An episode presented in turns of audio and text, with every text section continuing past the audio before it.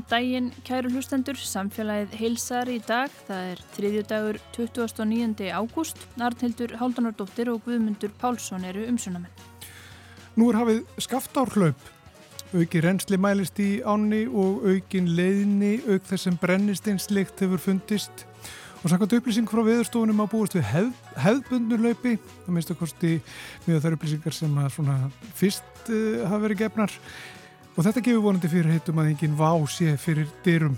Almannavartir hafa líst yfir óvissustígi vegna þessar laups en við ætlum að fræðast um skaftarlaup á eftir þegar Þorstein Þorsteinsson sérfræðingur á sviði jöklaransóknar hjá veðurstofunni sest hjá okkur. Ímyndaði þér að geta verið hvað sem þú vilt, flakkaði tíma og rúmi og tala við hvert sem er. Bergur Kári Björnsson er tvítugur og hefur frá fermingu verið hluti af síndarveruleika heimi gegnum tölvuleikin VR Tjatt. Kynst fólki frá öllum heimsornum og hanna sína eigin hliðarheima. Hann segir okkur frá reynslunni af lífinu og samskiptum í síndarveruleikanu. Svo fáum við pistil frá Páli Líndal, umhverju sálfræðingi sem snýr aftur eftir sumarleifi. En við byrjum á skaftárhlaupi.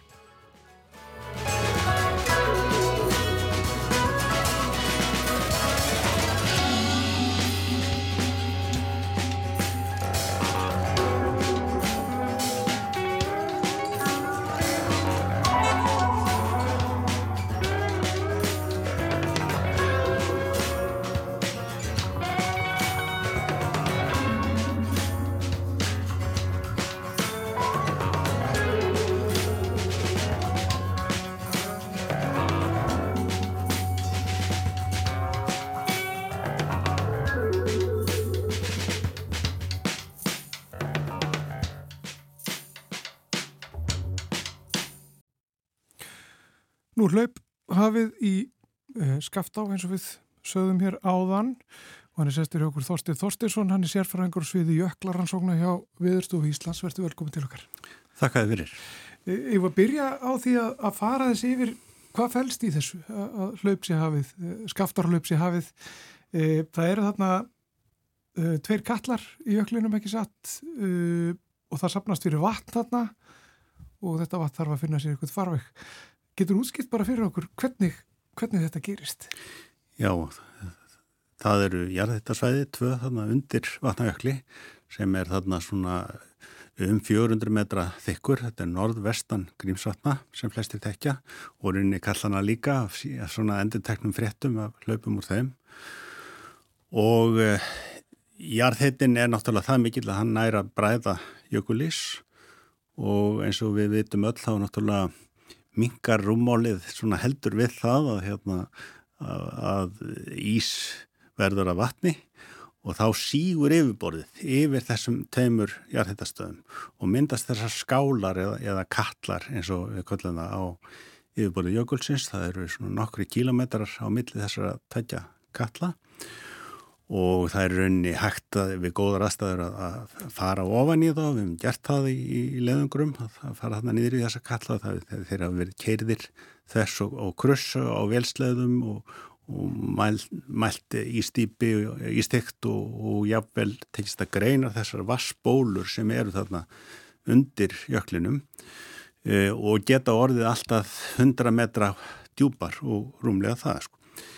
Vestari ketitinn er heldur minni, hann er svona eins og 1,5 km þörmáli en hinn eistri er uh, allavega 2 km þörmáli og þeir eru svona nærri því að vera kringlóttir og með þekkja þessar myndir af þeim sko sem eru stóra ringsprungur í kringuna báða sem eru sérstaklega áberandi þegar kallarnir eru hlaupnir sem kallað er. Það er að segja þegar þetta vassmagn sem að sapnast í þessum lónum hefur náða að reyðja sér burt og, komast eh, burt í, hlaupum. Þetta er náttúrulega svolítið sérstætt sko að það skulle geta verið svona vassbólur sko yfir jökulbotninum sem er náttúrulega bara fast berg en það kemur til að því að það er þarna ísfark ofan á og til hlýðana og það heldur að vatninu og, eh, og hindrar það að það geti svona þraungvað sér burt Þar kemur þó þegar hérna, þegar komið nægilega mikið vassmagn að það nærað lifta jökulísnum eh, einhver stað, þetta er nú alveg eins og sambærilegt við það að, að stórir ísjakar þeir fljóta á vatni og eins getur nógu mikið vass, magnum vassþrýstingur náð að lifta 300-400 metra tekkum jökulís. En það gerist bara staðbundið svona í einu litlu hotni á konum kalli fyrir sig og þegar það hefur náðið gerast sko þá fer vatnið að þraungva sér undir og leggja staði þetta 40 km ferðalag undir jöklinum. Og það hversu rætt að fer það svona stjórnast álið af því svona hvernig aðstæður eru, sko hvort að það er að sumri eða, eða vetri, þetta hefur gæst að vetri þó að það sé miklu sjálfgefara. Það lang algengast að þetta gerist svona síðsumars eða snemma hösts. Þegar er nokkuð sem við getum kallað bara heilt vasskerfi undir jöklunum, það sem er leysingarvatn sem hrýpar frá yfirborði og líka svona vegna bráðnunar við botn er að flæmast um og sapnast sumstaður í göng og sagt, vatnið sem að leita þá út úr þessum lónum undir köllunum það finnur sér þarna ákveðna farvegi og nú er þetta aldrei skemmtilegt sko að, að það hefur eiginlega verið aldrei hægt að rekja leiðir þessara farvega undir jöklinum með því að skoða allir myndir af yfirborðinu eftir hlaupin. Það gerist í köllanum sjálfum að þeir sunga niður um miðbyggið alveg 100 metra eða meira og verða þá mjög ábyrjandi í landslæginu þannig á yfirborðið jökulsins. En síðan gerist það líka þegar vatnið fer undir jöklinum þá er svo mikill asinn á því og það er varmi í því og annað og það er auðvitað mingar stöðuorku sína með því að flæða nið, niður í móti að það losnar okkar til að bræða talsett af ísk og, og stækka farveginn. Og þá sést þetta sem svona rás sem liggur uh, nokkra kílometra út frá viðkomandi kalli uh, og það er auðvitað aðskildar rásir hérna uh, frá köllunum tveim en það er mætast svo suðvestan kallarna begja þannig að hérna sem á heita að farvegunum sé nokkuð sameinlegur uh, frá ákveðnum punkti og alveg niður að Eh, jaðri skaftár jökuls 35-40 km neðar sko. og ef við heldum svona aðeins áfram með þetta sko þá, þá er það nú þannig að hérna menn hafa alltaf þekkt þessi hlaup síðan 1955 og það er mjög ákveðnar vísbendingar um að e, það hafi eitthvað verið að gerast þarna sko fyrr á þessar öll og við hefum alltaf ekki ljósmyndir eða, eða gögn um það en það má segja að vöktun hafi verið nokkuð samfelt frá 1955 Við þekkjum núna nálegt 60 hlaup og kallarnir tveir hlaupa að jafnaði sko með tveggja ára mittibili uh, hvort fyrir sig. Stundum lendir það þannig að hérna þeir eru alveg á sitt hverju árunu og hérna alveg algjörlega aðskilin hlaup en svo kemur það fyrir að það verður kannski hlaup úr öðrum kallinum. Það myndar svona farveg þarna undir jökli og þá gerist kannski eitthvað sem að nær að hleypa af stað hlaupi úr hinnum kallinum líka sem þá nýtir sér þennan farveg sem orðin er til eða þessi ísköng sem orðin eru til undir jöklinum og það er einmitt e, slikt tilvík sem við e, já, erum ekki búin að sjá, búin að sjá gerast núna en gæti gerst, það gerðist hérna síðast þegar hljóp í september 2021 að annar ketillin hljóp fyrst og svo kom hinn í kjálfarið fimmtugum og eftir. En þetta stjórnast líka dálitið af ytri aðstæðum til dæmis ef það verður verða hlýjandi, mikið leysing á yfirborði, jáfnvel ryggning á yfirborði, auka vatn sem streymir inn e, í lónin undir jöklinum, þá getur það döga til þess að svona hleypa, e, hlaupi á stað. Og það er, ég ætti kannski að nefna það að nú er spáð því að mikil höstlæðs að koma næstu helgi yfir landið sem getur steitt miklu úr sér. Og þá býðum við kannski spennt eftir að sjá hvort að hinn ketillin hleypur líka og þegar ég er einmitt að tala þetta núna sko, þá, þá vitum við ekki enn hvor ketillin það er sem er að skila þessu hlaupavatni sem núna er að renna það er mjög líklegt að það skýrist í dag en við erum spennt að vita hvort að hinn ketillin kemur svo í kjálfarið líka vegna þess að þeir eru svona báðir nokkuð fullburða í hlaup. Og skýrist það á næstu dögum bara? Ég, mér finnst líklegt að það skýrist bara í þessari viku, já. Ef að, ef að það leipur úr báðum kallum þýðir það lengra hlaup eða þýðir það bara miklu starra?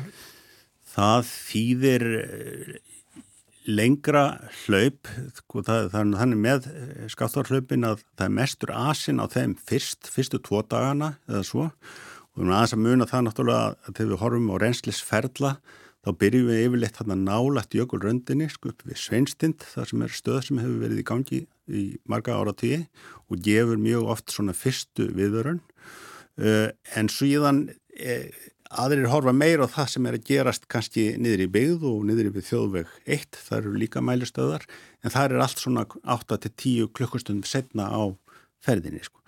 En sem sagt við sjáum þennan asa í hlaupunum fyrstu tvo solarhingana, þau rýsa mjög hratt og degja svo smá saman út eða, eða lækkar e, reynslisferillin á einni eða tveimur vikum og síðan ef eitt hlaupir risið og, og er að lækka og svo kemur hitt ofan í, sko, þá tegist úr þessu kannski um viku í, til viðbóta. Þannig að þetta geta orðið alveg þrjár vikur sem að þarna er eitthvað í gangi. Sko.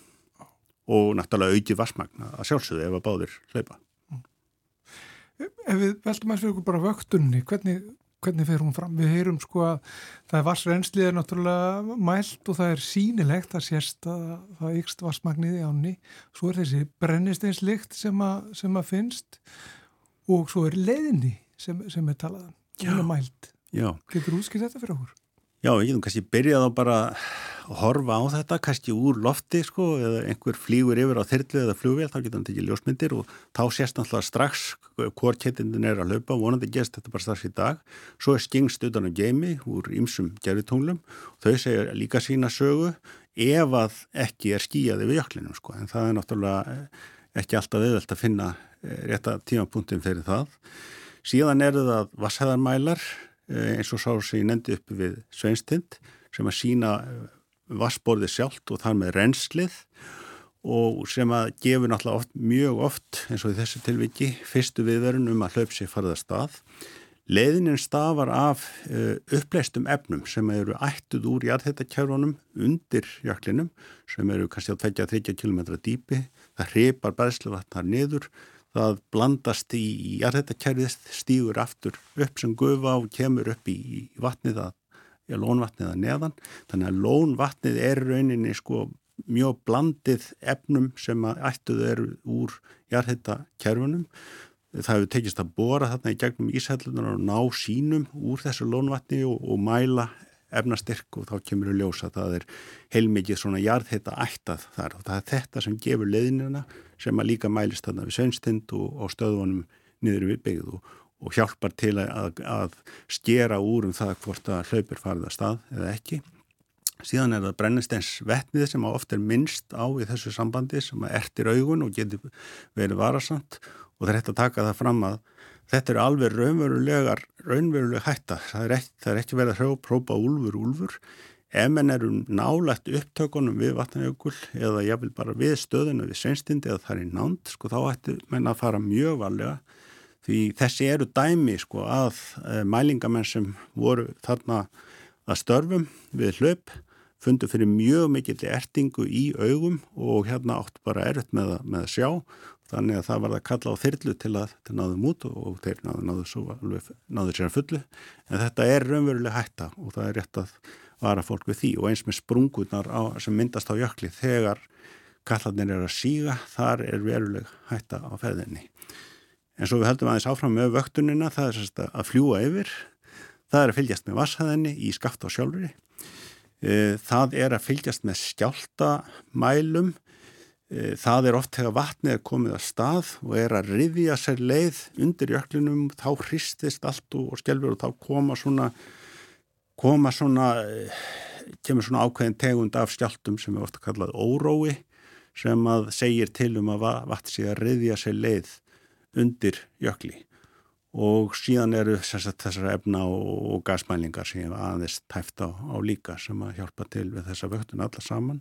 Til viðbótar hafa komið e, svo GPS-mælingar þá eru settar GPS stöðvar inni í köllunum sjálfum sem að mæla mjög nákvæmlega hæð yfirborðsins á þeim stað. Og ef að yfirborðið tekur upp á því að síga núna marga tíu, ég vil hundra metra bara á tveimur dögum eins og gerist í þessum hlaupum að þá náttúrulega segir GPS stöðin strax til um það og getur sendt bóð til byggða, er viðstofunar eða, eða jarðistastofnunar um, um hvað er að gerast. Og menn hafa líka sett GPS stöðvar yfir farvegunum sem eru þarna á skaftarjökli og hafa geta mælt í við liftingu á ísnum þegar vatn er einmitt að koma fram og riðja sér leið þar undir sko. e, þetta hefur verið svona e, ekki samfelt vöktuna þegar það er mjög erfitt og kostnaðarsamt að, að halda þessum stöðum úti e, það snjóvar allt í kafi við veturinn þá er að senda menn e, til þess að þreysar á vetri til að grafa þær upp og svona En þetta hefur verið reynd og þetta hefur tekist og er þá möguleiki til viðbótar við þá vöktun sem annars er í gangi alltaf reglulega. Nú eru almannavarnir búin að lýsa yfir óvissustígi og svo eru óvissa um það hvort að leipur úr öðrum kallinum eða báðum. Hvað um bara áhrif á innviði? Hvers getur við vænst þar? Já, það er náttúrulega vel tekt að þessi hlaup skemma svona varnargarða niður í byggl í Skaftardal þar sem eru brýr og svona rýfa alltaf eitthvað úr bökkunum. Þetta er ákvæmlega hvimleitt fyrir bændur og, og aðra sem búa á, á þessu svæði og líka ef það verða stór hlaup að það set fluttingur sem er, er þarna út í hraunin og allt hvað eina og síðan náttúrulega Eh, þegar þornar um eftir þetta sko þá er, er ríka og móða hana, af, af, af þeim völdum og slikt þannig þessi hlaup sem að, eða þetta hlaup, nú veitum við ekki hvort þetta verður eitt eða, eða, eða tvö saman eða hvernig það verður. Þetta er ekki af, af stærstu gerð sko þannig að við þurfum nokkið að hafa kannski miklar áhugjur af skemdum umfram það sem svona vanalett er og, og, og er svona til leiðinda sko, eitthvað svona brotni úr einhverjum vegum eða eitthvað, eitthvað, eitthvað slíkt sko. En það verður fylst mjög náið með því næstu dag og fengna fréttir frá hefumamönnum um hvernig staðan er hjá þeim.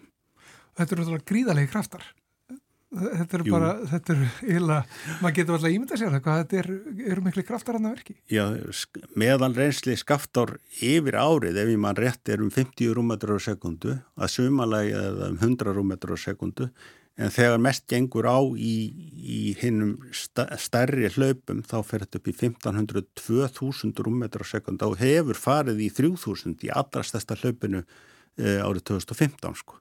Þannig að það er þá þrítu földun á venjulugu sumarensli og þá verður náttúrulega eitthvað undan að láta sko. Svakalegt. E, hvaða dæmi eru um, eða hvað eru dæmi um stór hlaup? Já, það er eiginlega þetta sem ég var að nefna 2015 Já. úr Eistrigattinum. 30 falt. Já, liklega svona um 30 falt uh, meðalrensli skaftár sko og þá reyndar er orðið erfitt að mæla það nákvæmlega vegna þess að þá fer hlaupvatnið að flæmast hjá, fram hjá þeim farvegum sem notaðir eru til þess að meta og rekna reynslið reyninni. Þannig að við vitum kannski ekki alveg nákvæmlega hversu stort það hlaup var en það var geysilega stort og, og fóð svo að leka út, úr, út í eldraunin og allt og, og hérna valda alls konar uslað þarna. Hins vegar eru skaftarhlaupin Já, það er næstu þetta að segja að þau séu minniháttar í samanburði við stærstu jökulhlaup sem verða hérlendis. Grímsvatnar hlaupin sem að algeng voru fyrir hluta á uh, 20. aldar og fram yfir 1970-80 þau, þau voru mælt í tögum þúsunda rúmmetra á sekundu. Já. Og ef við vógum okkur að tala um, um göllulhlaup sko, þá erum við að komin í tölur sem eru alveg ótrúlega sko 100 til 300 þúsund rúmmetrar á sekundu sko, en það, það er líka sko íverulega öflug eldstöð sem er hreinlega bara bræða fjórðunga af heilum jökli, mýtasjökli og, og senda e, bræðsluvatnið, blandið seti og, og djósku niður á mýtarsand líklegast. Já. Þannig að það er svona önru deilt sko. Já, við tölum um það Já. ef við þurfum að tala um það. Já. Sem við fólum bara að vera ekki. ekki. En þetta er svona, skaftarklaupin hlaupin gefa kost á því að, sagt, að prófa ymsa nýjar vöktunar aðferðir og svona uh, endurbæta í sífellu aðferði við það að rekna reynsli og, og hérna meta ímsa hættu sem að sívaksandi fjölda ferðarfólks getur stafað að, að, á þessum sveðin. Lýsið yfir óvissu stíði þarna Já. sem er gerist bara þegar að hlaupa Já, það er mjög eðlert að gera það og, og það verður samráðsfundur núna á eftir og þá verður það kannski konar nýjar upplýsingar. Það, þetta gerist mjög hrætt þessa klukkutímana. En það þó, ég get þú nefnt það að Það reys ört í gerkvöldi og nótt hérna, uh, hlaupferillin sem sýnir renslið á tímaeiningu en hann er farin að beigja af sko. Þannig að það er eins og sé að hæja á aukningu renslisins og það er þá spurning, er það bara svona eitthvað tímabundið og fer hann að halda áfram. Ætlar þetta bara að verða frekar lítið hlaup, uh, það verður alltaf að skýrast sko bara uh, í dag eða, morgun. Mm og hérna þetta verður minna ef það kemur úr vest, vestari kallinum en, en heldur í stærra lagi ef það kemur úr estri kallinum. Já, við fylgjum spennt með þessu, við ætlum að fara að leipa þér aftur á, á veðurstofuna. Eh, Þorstin Þorstinsson, sérfræðingur og sviði jöklarasókna hjá Veðurstofu Íslands. Takk hjá það fyrir komuna. Takk fyrir mig. Og upplýs okkur um þetta. Já, takk.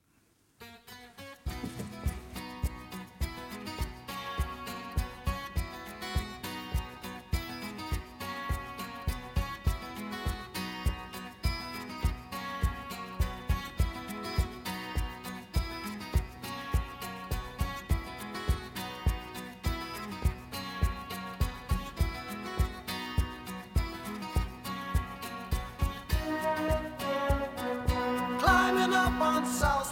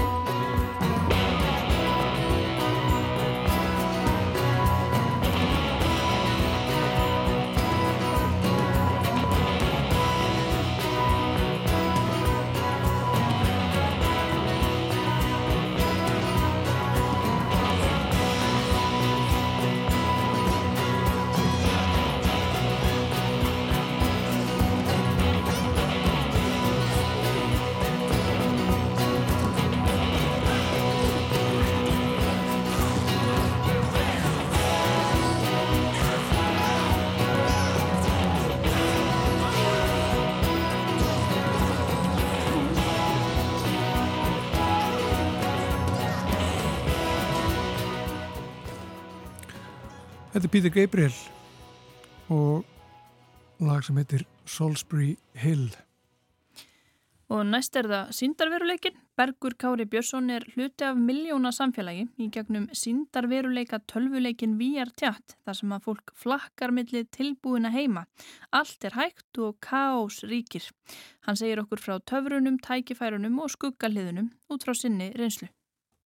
Ég heiti Bergur Kári Björnsson, ég er 20 ára, verðaði setnabér þetta ár. Ég er í MK, er að útskrifast vonandi þess að önn bara og ætla síðan að reyna að komast í leiklistanám. Og þú uh, fórst í svolítið skemmtilega ferð í sumar sem að ég er vonað að þú vilja segja mér aðeins frá en þetta byrjar kannski á því að við þurfum að kynna okkur uh, leik eða síndarveruleika heim sem heitir VR-tjatt og við byrja bara að spyrja sko áður við fyrir mjög að útskýra hvað það er hefðu við geta tekið þetta viðtal í VR-tjatt? Ó já, við hefum alveg pottitt geta gert þetta bara í VR-tjatt þú þarfst ekki einu að vera með bara headsetið, þú getur líka bara gert þetta í tölvunni Og hvernig virkar þetta? Hvernig í rauninni já, haga maður sér í þessum heim og hvernig kemst maður inn í hennan heim? Maður er með hvað heyrnatól eða er maður með svona glerugu veist, á höfðinu og stendur út á golfi og, og er bara að reyfa sig og er, ertu í síndarveruleika eða ertu bara með heyrnatólinn við tölvuna? Heyrnatól, nei, þú veist, ég er með alveg bara fullan gear set sko, ég er með gamla VR headseti sem ég fekk í fermingagjóð, það er HTC Vive og sen er ég með index controllera sem eru svona, leiða mér að færa fingurna mínar inn í tölvunni og sen er ég með svona fyrir fætunar líka þannig ég get hreift lappirnar. Er þetta fjärstyrring eða er þetta bara eins og einhvers konar vettlingur? Það er að koma vettlingar, það er nýjasta sem er að koma út og sen gleru í staðan fyrir svona þungt, alveg þunga tölvu á hausnum aður sem ég er mjög spenntið fyrir. En þetta eru svona fjastringar já. Uh, en þú tekur eiginlega ekkert eftir þeim þú ert með þér og ert í leiknum. Finnst þér í raunni þegar þú ert í leiknum að fjastringarna séu bara hendurnar að þér? Já, þær eru, þær eru hendurnar á manni. Það, þú, þær eru svona lagðar svona, það er svona uh, prík í miðjunni sem heldur í lónum og síðan klemmist það svona kringum handabakið og þú ert með svona sensors sem þú getur bara hreift puttana með Hvað gerir maður svo? Maður er komin aðna, maður þarf að vera í einhverjum fötum eða vera einhvers konar, ég meina, ertu þú sjálfur eða ertu bjarndýr eða, þú veist, eða einhver teiknumyndafigur eða hvað ertu? Ok, það er mikið að segja frá þessu sko. Þetta er ekki bara ein, eitt svar fyrir þessu. Þú, þetta er leikur sem að þú getur verið hvað sem er og hver sem er og farið hvert sem er og bara gert allt saman. Þetta er uh, með fólki frá um allan heim sem getur bara spjallað við og það eru svona heimar sem þú getur bara uh, flokkað á milli og hitt nýtt fólk eins og sömur eru með svona frá Ameríku sem tala bara amerísku, síðan er einhver frá Japan, síðan frá Evrópu og já, ég er búin að kynna þess mjög mörgum að það. Hver, sko, þú byrjar í þessu ferð þarna þetta eh, síndarveruleika sett í fermingagjöf og byrjar þá í leiknum eða? Já, ég held að þetta var fyrsti leikurinn sem ég byrjaði að spila í VR, en þess að hann er ókipis, allir geta að fara í hann. Heimarnir sem þú ert í núna eða svona hlýðarveruleikarnir, eru það þeir sömu eða ertu núna að skoða eitthvað annað en þegar þú varst 14? Uh, ég meina það er alltaf myndast nýjir heimar, það er uh, spilararnir sem að búa til þetta allt eins og ég sjálfur, ég er byrjaður að prógrama og að búa til svona kalla eins og ég er alltaf bara svona hirðfíplgæði með stort brós og ég hef búið til nokkra heima líka sjálfur en þeir eru ekki eins góður og allir hinnir sem að gera. Þú getur farið í keilu, þú getur farið í geiminn, þú getur farið á tungli þú getur farið undir jörðuna þú getur bara skotið, farið í stríð, ég veit ekki þú getur allt Getur líka bara að fara í búðina og bókasafni eða fjallgöngu eða eitthvað? Já, þú getur það. Þú getur klifrað með ón á fjall. Ég fór bara um daginn sko með tveim vinnum mínum í heim og við byggum, ég bjóð til svona uh, rennibraut, með svona vassrennibraut og hún fór í ringi og, og kvolf og endaði sér að fara út í sjóun og það er mjög skemmtilegt að fara í hana sem bjóði til rússipannan líka Hvernig virkar það þegar þú ert í rauninni þú ert þarna stendur út á gólfi heima hjá þér ert með þennan búnað á hausnum hvernig er að fara í rússipanna? Finnur eitthvað fyrir því svona eins og í vennilega rússipanna eða vennilega vassanubröð? Já, það, það er hægt að finna fyrir því. Ég get sannaða og staðfesta að þegar þú ferði í rússipanna í þessu með glerun og ert að fara niður og allt þetta þá finnur þú nokkurn veginn fyrir vindunum eða þú ert með en líka þetta fyrirldi í maganum tilfinninguna sem þú ferði í alvöru rússipanna og það er bara dopamin boost sko. Finnst þér sko finnst þér þessi heimur síndaveruleika heimurinn betri en, en raunheimurinn? Ég meina það er auðveldur að tala af fólki þessum heimi hann er byggður upp á það að kynast nýju fólki og tala. Og ertu þú bara, þú veist, í hvernig fötum eða búningi ertu venjulega, þú veist, bara að ferða bara eftir hvernig skapið þú ert í þann daginn eða, þú veist, þú getur reyni verið hver sem er, alvaldur bara, þannig ég get bara verið gósi eða, eða runni eða bíl eða, eða snúrustur eða eitthvað og lappa ég svo bara um og pikki eitthvað fólk og segja, halló, hvað er þú að gera hér? Langar að spila keilu? Já, það er akkurat þannig sem þetta virkar. Bara þú veist, þú getur farið einhver, í einhvern teiknumyndaheim og verið teiknumyndagall eins og Ed frá Ed Edeneri eða eitthvað. Og síðan serðu bara einhverja kjötbólu með andlit á sér fljúundum og þú er bara, ó, vá sæll og hann er bara, síðan er þetta stelpa og þú ert bara, ok, sæl, never mind viltu koma í keilu? Viltu, viltu fara að kasta boltum í, í glugga eða eitthvað? Þetta er svolítið svona eins og bara að vera krakki þegar að einmitt krakkar gera þetta. Við lappa upp á hverjum sem er og bara, "Hey, viltu, viltu leika, viltu koma róló? nema það er líka svona serious moments og drama í þessu fullt af drama, Jesus, wow Hvað, hvaða heimur finnst þið skemmtilegastur núna? ég veit ekki hvernig ég útskýr hann það er bara, þú veist, það er boltaland og eitthvað. Já, bara einhvers svona tífúli eða skemmtigarður eða eitthvað. já, þetta er bara skemmtigarður og síðan er ég oft á bara McDonalds. Bara úti á McDonalds og spjallaði fólk um nótt. Ég meina þetta hljómar, þetta hljómar alveg skítið sko en það er, þetta er nótt McDonalds, þetta er svona grín heimur. Þetta er rauninni miljóna samfélag þessi leikur og, og bara allt sem ávið í þessu samfélagi kannski ávið þarna. Fólk getur til dæmis orðið frægt. Já, það getur verið frækt. Það eru tveir þekktir sem ég veit um allavega núna.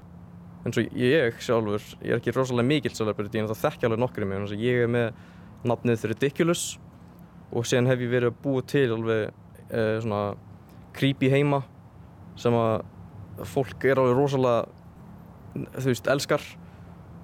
Þannig að þegar þau segja Ridiculous þá er það bara, já, já, þetta er gæðin sem að bjóð til hérna creepy heiminn. Þannig að ég held að mest creepy heiminn sem ég hef búið til er bara svona uh, frumskóur sem að er nótt og það er þoka og fullt tungl og síðan djúft inn í skóginum er stort uh, svona völundurhús með kjallara og og í kjallarannum er svona, svona blóð og einhvað og síðan er Slenderman líka einhver staðar um að labba og stalka þig. Hver, hver er það?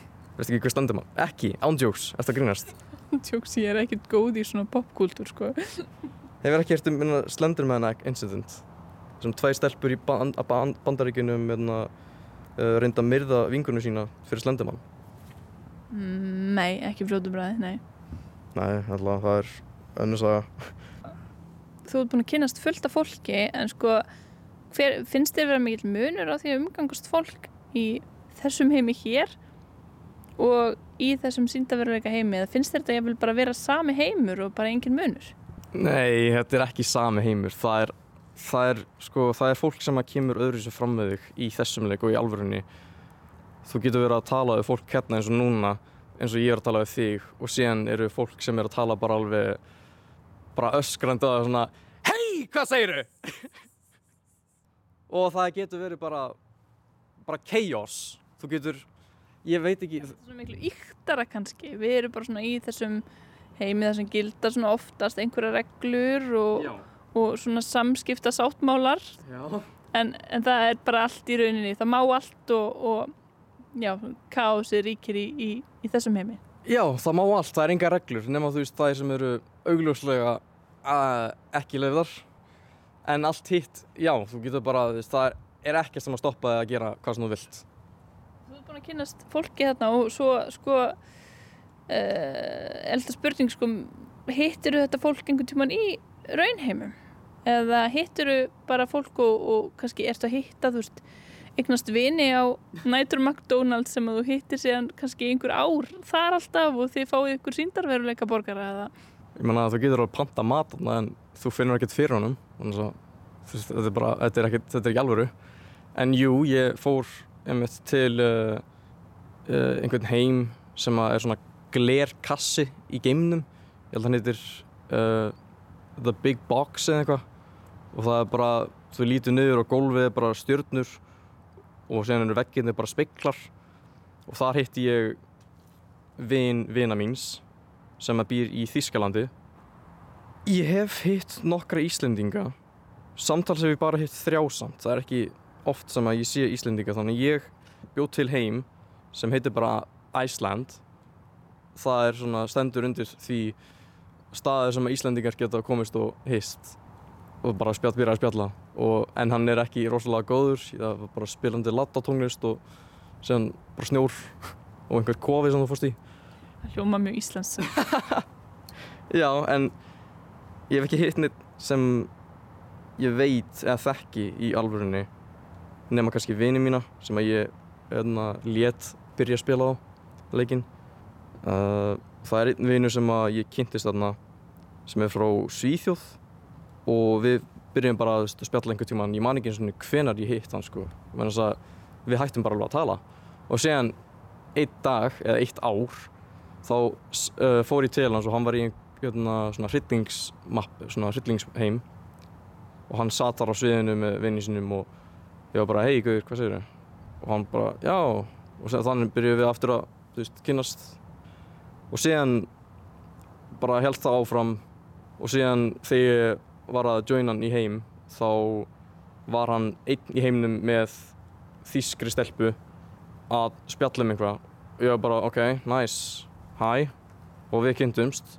Síðan kynntist annar frá Þýskalandi og það var, það var maður. Og síðan eruð við bara öll fjögur vinnir það endaði með því að við uh, fórum bara á Discord og við vorum bara að spjalla þar og spila öðruvísi leiki líka. Hvað er Discord, svona fyrir það sem að vita ekki mikið um töluleiki? Ok, þú veist hvað Skype er? Já, þannig að þetta er þetta er svona betra meira advanced version af Skype nema fyrir fólk sem spila töluleiki og það kom að því að við vorum bara svona, heyrðu hvað við bara, þú veist, fljúum til Þýskaland og hittumst eða eitthvað og þau voru bara, já, ok.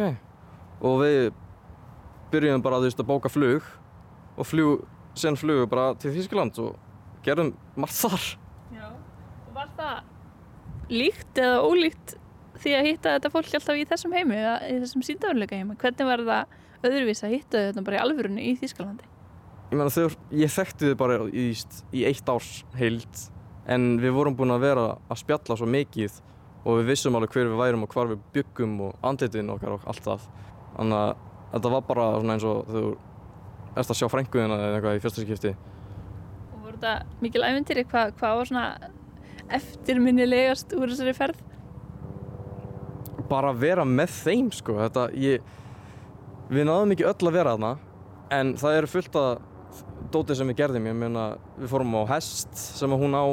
Við, hún leiði okkur bara að sofa í húsinu hennar við þurftum ekki að bóka hótel við þurftum bara að bóka flugið við keiptum rosalega mikið áfengi Just. Það var svolítið djam. þetta var mjög mikið jam já þetta var aðalega jam ferð sko og pappinar líka rosalega ve- vel vinni þess að ég var svo energetic Orku mikill. mikill, já. En hvað hérna, þú hefur líka, ég heyrði líka að þú hefur farið í brúðkaup. Er það þá, er það þá alvöru brúðkaup? Það sem fólk er í alvörun að gifta sig eða er það einhvers konar svona leikur? Uh, það er svona 50-50 stundum er það alvörunni og það er bara svona oh shit, þetta er actually alvöru að gerast og sen er þetta bara svona na, þau eru ekkert að gera þetta í alvörunni þetta er bara svona fake, einhver skemmt að sér það er alls konar svona gleðskapur og, og veist, alls konar aðtapnir og, og dæmi í gangi. Já, þetta lítur að eiga sér mynda einhverja skugga liða líka. já en ég veit ekki hvort ég má segja það allt sko Maður getur svona ímyndið sér að í einhverjum leik þar sem allt má og þá verður til alls konar bara eins og, þú veist, internetið er yfirleitt. Já, því miður, en það er það eru svona svona groups sem að kalla sig svona einhvað ég man ekki hvað það er en einhvað police og þau fara miklu heima og sjá hvort það sé einhvað að gerast og ef það er einhvað að gerast þá handtakaðu þig og taka svona, svona mugshot að þér og senda þér síðan mynd. Og það er mjög fyndið, ég hef verið tekinn einu sinni þannig að ég var að, að hérna, klappa þeim á hórnu það er Það jákvæða er kannski eins og þú talar um þetta. Hjálpa mann svona aðeins út úr skilinu og hjálpar fólki að tala við aðra og kannski leiði þá til þess að fólk á auðveldra meðan nálgast annað fólki í, í raunheimum. Já, ég hef uh, kynnt mjög mörg fólki sem er rosalega uh, feimið og introvert. Þannig að ég er með það í þessum leik og þau bara nokkrum vikum eða mánuðum setna þegar þau eru búin að sjá mig gera þetta og eru sem byrjuð að gera þetta þá eru þau bara hægt að vera introvert. Og eru bara að byrja að tala eins og ekkert sé. Og þjálfun í samskiptum bara. Já, þetta er mjög góð þjálfun. Þetta er ekki líka eini leikurinn sem að þú getur þjálfað í þetta. Það er einn annan leikur sem ég man ekki hvað heitir en það er svona til að hjálpa þér að gera kynningar. Og það er svona að þú ert á sviði fyrir framann fullt af fólki en þetta er ekki alveg fólk og það, þú bara finnur fyrir þessu stage fright og það er svona þjálfaðið að vera fyrir framann og gera einhvað Hvað finnst þér um umræðana um töluleiki sem er oft svolítið svona neikvæða talandum að þetta sé svona stuðla félagslegri einangrun og, og því að fólk einhvern veginn lókist bara inn í herbergi fyrir framann tölvuna, tölvu fíkn, allt þetta. Hvað finnst þér um það? Finnst þér það eiga við um þennan leik eða, eða er það í rauninni bara fordómar? Það er jákvægt og neikvægt svar við þessu. Uh, eitt félagi minn frá Svíþjóð Uh, hann er svona hún líkar ekki rosalega mikið vel við lífið sitt. Þannig að hann fer inn í þennan heim og bókstaflega bara býr þar. Bara búin að flýja raunheima Já. inn í þennan heim. Hann er þarna 24-7 sko, hann sefur með þetta á sér og einhvað og þegar hann er ekki í þessu og er kannski í fer, ferð til, með fjölskyldunum einhvers þar þá finnur hann svona stress og bara líður illa. Og hann þarf að farast og byrja að tala við þessum hann kallar fjölskyldunum sína í þessum leik. Hann er með aðra fjölskyldu í þessum leik. Bara svona lokum því að nú ertu tvítugur heldur að þessi heimur verði hluti af þínu lífi bara alltaf tíð Ég menn ég nenni ekkert alltaf að setja þetta á mig sko. mér finnst miklu skemmtilegur að vera bara úti í græsinu og horfa fugglana en þú veist það er aðeins of íkt kannski Verður þau sko 73 ára og ennþá að finna einhverju nýja heima og kynast nýju fólki í, í þessum síndarveruleika heimi heldur Ég held að verður komið bara nýr leikur þegar ég er án 70 ára ef, ef ég er ennþá að spila svona leiki vinnum minn heldur að þetta á eftir að vera svona bara að þú, þú setur einhvað á þig bara og fer að sofa eða liggur, liggur í rúminu og þú ert bara eins og sérst að dreyma nema þú getur stjórnaði og það er leikurinn. Þannig að við verðum kannski öll orðin bara svona heilar krukku tengt við einhvern svona síndar veruleika Ég held það sko, þetta er skeri að hugsa um þetta. Ef þú vilt, ég meina með hvernig heimurinn er að byrja núna sko, ég meina þetta er mjög fallegur heimur, í litli Ísland er mjög gott fyrir náttúruna. Það er, við, við erum, wow, svona fuggl óvissum framtíðina, við sjáum bara hvað setur. Takk, takk fyrir að spjalla við mig um þennan síndaveruleika heim, við erum tjátt Já, það var skemmtilegt, ég menna ég kann ekki að vera í viðtali sko, þetta er fyrst og sann mér tala við einhvern.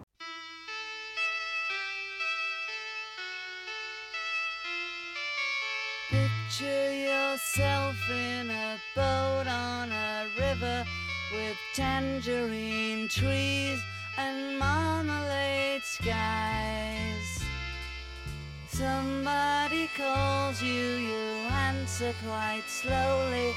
A girl with kaleidoscope eyes.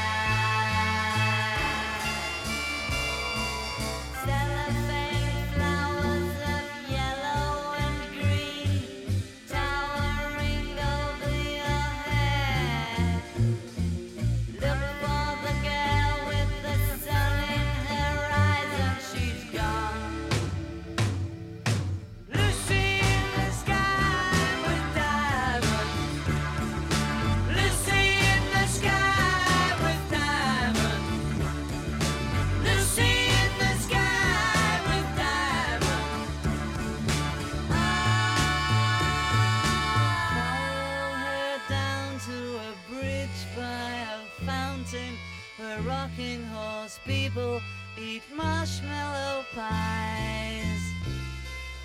Everyone smiles as you drift past the flowers that grow so incredibly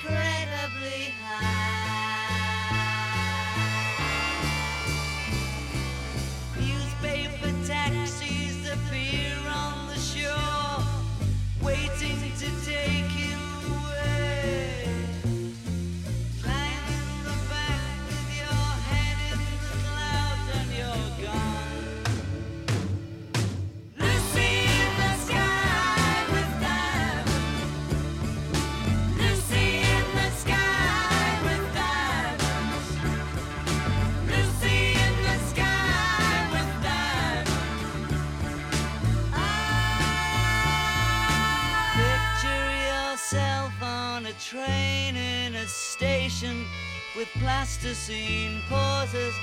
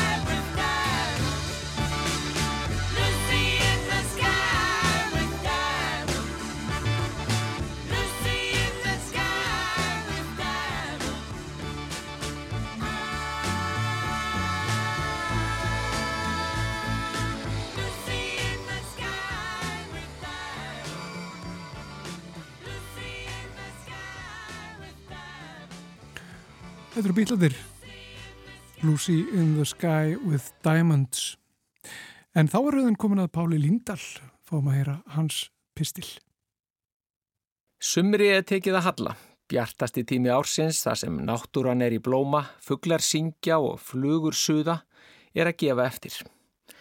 Svona nú bara gangur tilverunar og við tekur haustið með allir sinni litadýrð og fegurð, rísjóttar í veðráttu en sannarlega sínum sjarma. Í lífi flestra tilhera sumafríin þetta árið fortíðinni og hinn hefðbundni gangur hverstagslýsins er tekin við. Mörgum finnst það bara fínt, en aðrir horfa saknaðaraugum til sumarsins. Sumars, þar sem veðufar hefur víða verið engar gott. Ég verða viðkenna að mér leist ekki alveg á blikuna í júni, þegar að hver dagurinn á fætur öðrum leið við leik og störf í höfuborginni, án þess að sæjist nokkur tíman í heiðan heiminn þegar að liti var til veðurs. Það var því vel þegið að eiga fyrir höndum vinnuferð undir lok mánaðarins til portugalsku eigarnar Madeira sem er skamt norðan við hinnar velþektu Kanari-eigar og rifja þar upp kynnin við blessuðu sólina. Og þegar ég var um það bilað stígu upp í flugvelina til Lissabon þann 25. júni síðastliðin fekk ég skilaboð frá samstarfsmanni. Viltu vinsamlegast koma með eitthvað að þessu gula þegar þú kemur aftur heim frá Madeira? Það var notalegt að dvelja í 27 gráðu hýta í Lissabon þá um kvöldið og svo í sælunni á Madeira í framhaldinu. Það er nefnilega alveg voðalega gott og gaman að komast í sól eftir langt sólarleysi. Lífið einhvern veginn verður bara eitthvað allt annað og það þekkjum við all. Í heimferðinni viku síðar myndist ég orða samstarfsmanns míns um að taka eitthvað að sól með mér heim. Og svei með þá ef það tókst ekki bara bærilega. Því að frá því að koma aftur til landsins man ég ekki eftir annar eins veðurblíðu á suðvestur horni landsins í það minnsta ef sólskinstundir eru notaðar sem mælistika. Og ég er ekki einnum það að mun ekki annað eins, því sólarmet í júli í Reykjavík frá orinu 1939 var ekki nema hársbreytt frá því að falla. Sjálfur dvaldi ég setni hluta júlimánar og í byrjun águst í borgarferðinum, hennum vestari. Ég rjóma blíðu upp á hvern dag og naut þess mjög. Ekki spilti fyrir mér dagskráin sem ég útbjó mér í upphafi dalarinnar, sem fólst í daglegum gunguferðum um fjöll, móa og mela, að stunda sjóböð og skreppa í heitan pott, á milli þess sem ég syndi gardverkum og svo auðvita umhverju sálfræðinni sem á hugminn allan.